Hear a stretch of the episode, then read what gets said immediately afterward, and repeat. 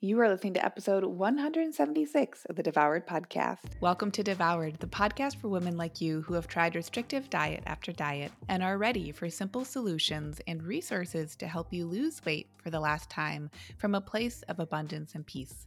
If you're looking to end the yo yo of comfort eating and rigid weight loss protocols and instead step into living your life on your terms while losing weight in the process, you're in the right place. Okay, pretty people, welcome to the show. Are you ready? Are you ready, ready? You ready to talk about overeating? I'm so excited for this episode, and I will tell you why. Because all too often in our culture, we have a story about the term and the experience of overeating. Overeating is the same as overconsumption, like plug and play those either term we have a story, a collective story about overeating. And I will say that the collective story is rather negative. like when I say the term overeating, overconsumption, immediately is there a feeling that arises in you? Like take a moment. For a lot of people, there is. And for a lot of people, that feeling is negative.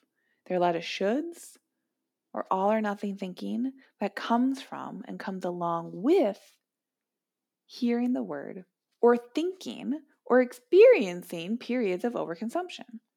So, I want to break it down to be super simple this week about how you can end the cycle of overeating.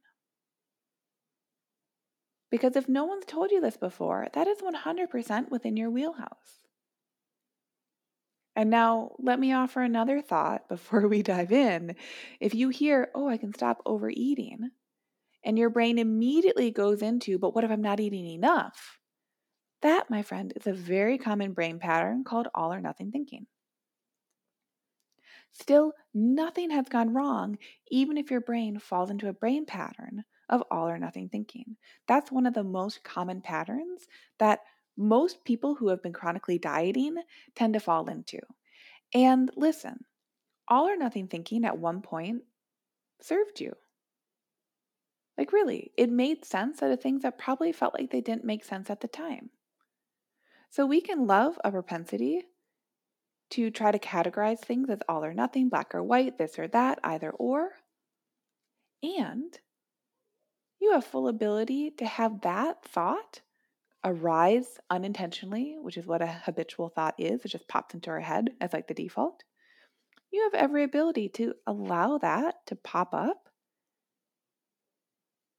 and have nothing go wrong, and then choose an intentional thought that really, really serves you. How about that? Right? When you're coming to this work of no longer needing diets to lose weight and really just being with the truths of your body, and the truths of what serves you, what you're going to be finding is that the process is actually very simple. Because all overeating is, is this overeating is simply eating beyond the amount of food needed. That's it. And so, for those of you who desire to lose weight, what that means is that overeating is eating the amount of food that signals to your body that your body doesn't need to burn body fat for energy because it's getting either enough energy from its food or it's getting a surplus of energy from its food because then it's also storing additional energy on your body as additional body fat. Okay? So when you're overeating, nothing has gone wrong there might be a concept in your brain, a thought in your brain that overconsumption is bad, right? That's why Lean and Liberated, I have modules on the diet cycle and diet culture thinking.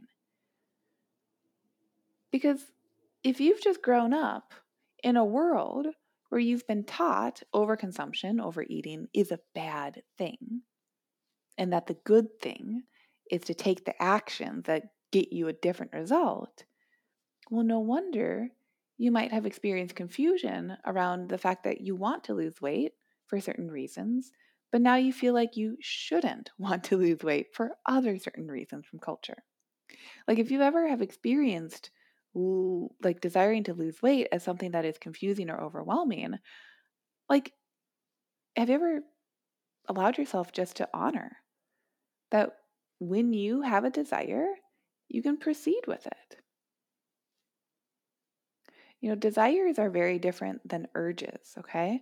So a desire is something that can stick with you in the long term. A desire usually boils down to something that's in alignment with your values.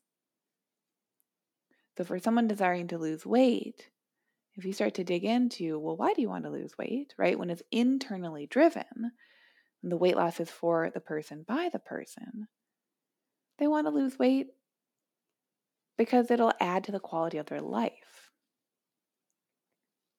This is really different than having the urge to lose weight and kind of white knuckling onto short term actions to lose weight quickly and rapidly because those urges tend to be much more surface level and they tend to no longer be intrinsically motivated. They tend to be extrinsically motivated, meaning it's because of other people that someone wants to lose weight for themselves, because of other people's judgments, because of how they think it'll affect their relationships, because of just any of the reasons that someone is feeling like they can't just claim and hold on to from a very sovereign and autonomous place. Okay, those are big words, but like all I mean by this is if you're externally motivated to lose weight, it will continue to feel like something that is you can't have ownership over because it's outside of you. Versus when you're internally motivated,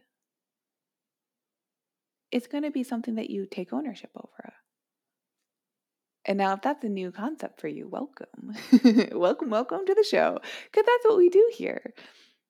Really, like, my number one goal is to have just so many women recognize that they can have what they want. No problem. They're going to have emotions. No problem. You can have emotions and move towards the thing that you want. Not an issue at all.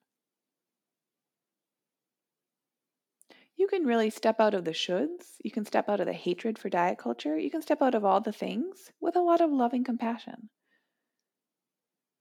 Right? When you learn how to lose weight without it being emotionally draining or energetically draining, that means that you conserve so much of your own energy to put towards the things that you actually want your energy to go towards. Okay? So, if overeating is simply eating beyond the amount of food needed, then there are just a couple of things that create that action of overconsumption.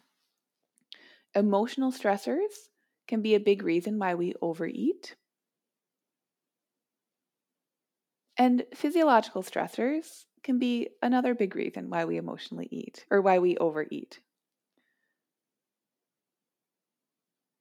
So, the combination if you step back and you look at what creates overeating, overconsumption, it's really just stress.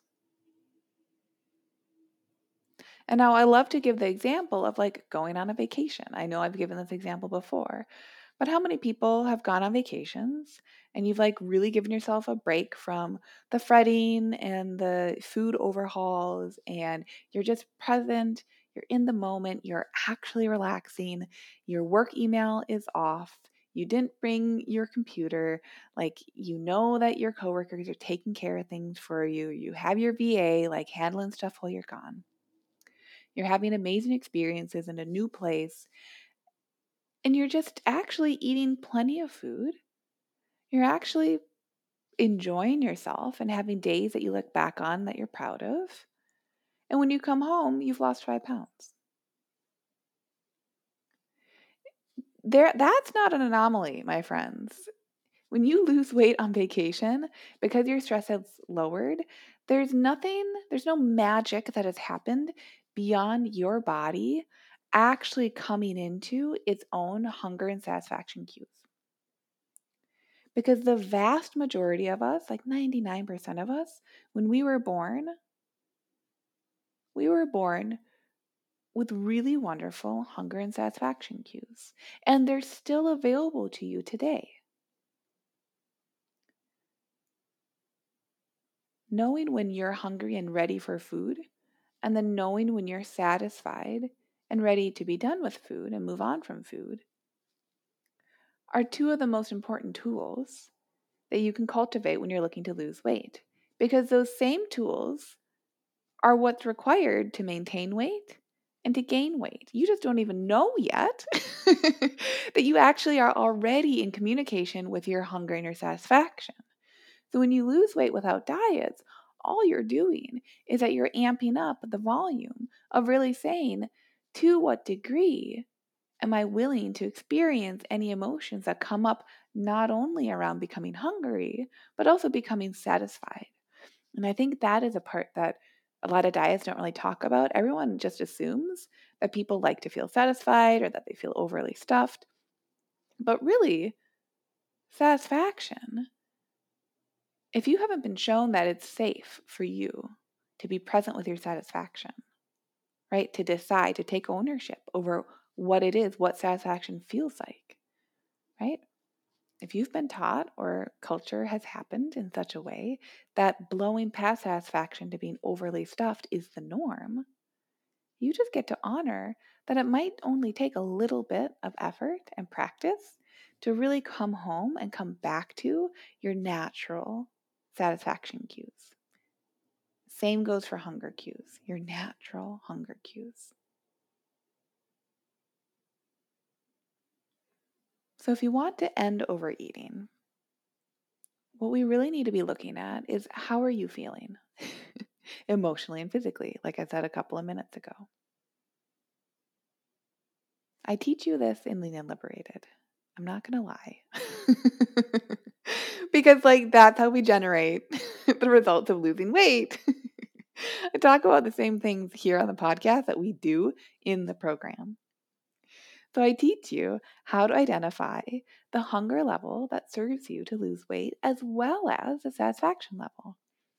And those hunger and satisfaction levels can change just depending on what you want, how you want to feel during your day. How do you want to feel at lunchtime? How do you want to feel at dinner? 100% within your control, right? Within your ownership. Super easy. Now, the other part of overeating, when we look at physical stressors, you know, I've done episodes before on sleep, I've done episodes on blood sugar regulation. We can have physiological nuances to how we're feeling, okay? Right? We can just have like working out, those are all stressors. But in addition, when we're looking at food and we're keeping things really simple, some of the biggest stressors are going to be refined oils, refined sugars, and refined flours.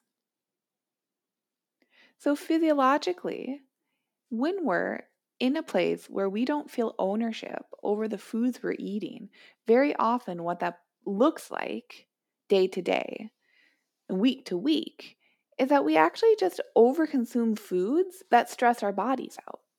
And you could imagine that it's going to be much harder to read your hunger cues and harder to read your satisfaction cues when your body is busy managing itself because of foods that are stressing it out. So, this is also why there's no need to demonize any foods. All that really happens when you start to do this work is you start to really identify whoa, wait a second. Some foods really serve me like holistically, like my body and my brain and my soul.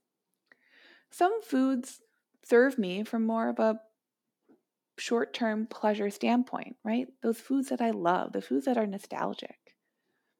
Maybe they don't serve my body as much, but they serve a part of me, and I honor that. And then there can also be foods that really don't tend to serve your brain or your body or your soul. And so coming into awareness without expectation is such a big part of the weight loss process. Because when we're feeling like we have a say and you feel ownership over the foods that you're feeding yourself, right? Like no one else is feeding you. That's you. Even if other people are preparing foods, it's still you. You're the one who feeds yourself. when you come home and it feels safe to take ownership over that, the food stuff becomes real simple. Because it becomes such a no brainer that most of the time the foods you eat are the foods that serve you. And once in a while, there's going to be an opportunity that you will create to eat those foods that are nostalgic or that are just more fun or that serve a piece of you. And then you'll start to see that that connection or that grip that those foods that truly don't serve you might have had on you, that was simply because they kept your body in confusion. But do you see the difference there? When you take ownership over the foods that really serve you, that confusion can just melt away because it's no longer needed or necessary. So, all overeating is, is simply eating beyond the amount of food that's needed, like I said before. So, when you define what your goal is, how you want to be feeling, you're going to really explicitly know which foods then serve you as you are in that space. Because you'll understand that, of course, you can choose things that are stressful, right? We have to have stress in our life. It's actually functionally adaptive that you experience stress, whether it's physical or emotional. Great, not a problem, right? Like, very often I tell my clients life is lifey, life is 50 50, right? There's so many things we don't control that we're not in charge of in our lives. So when we really start to understand the emotional aspect, right? Even our relationship to something like blood sugar fluctuations, our relationship to experiencing stress, our relationship to getting enough sleep. These are all subjects that start to come up for individuals, right? Because everyone has a different story, everyone has different needs but we're not usually as complicated as we make ourselves out to be. What what usually feels complicated are the emotions that we're not really allowing ourselves to feel. So that's why in Lean Liberated, I teach y'all how to feel your feelings. And I've talked about that plenty on the podcast here too, right? It's it's a it's no secret that what the diets are missing is the feelings piece. That's really it. Because I bet plenty of you have actually tried some diets, like whole food, wholesome foods diets, that for a while actually felt really good, like physiologically, like it took care of some of those physiological stressors.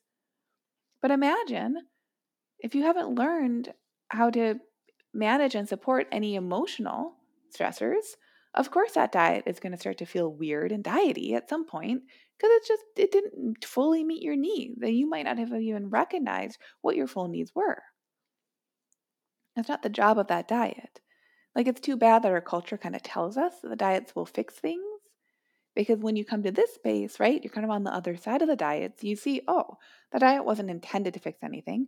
I probably learned some stuff right? How many of us have gone on diets where it's like whoa I learned that this food feels good for me. That food doesn't really feel so good for me. Sometimes I eat this food and it's okay.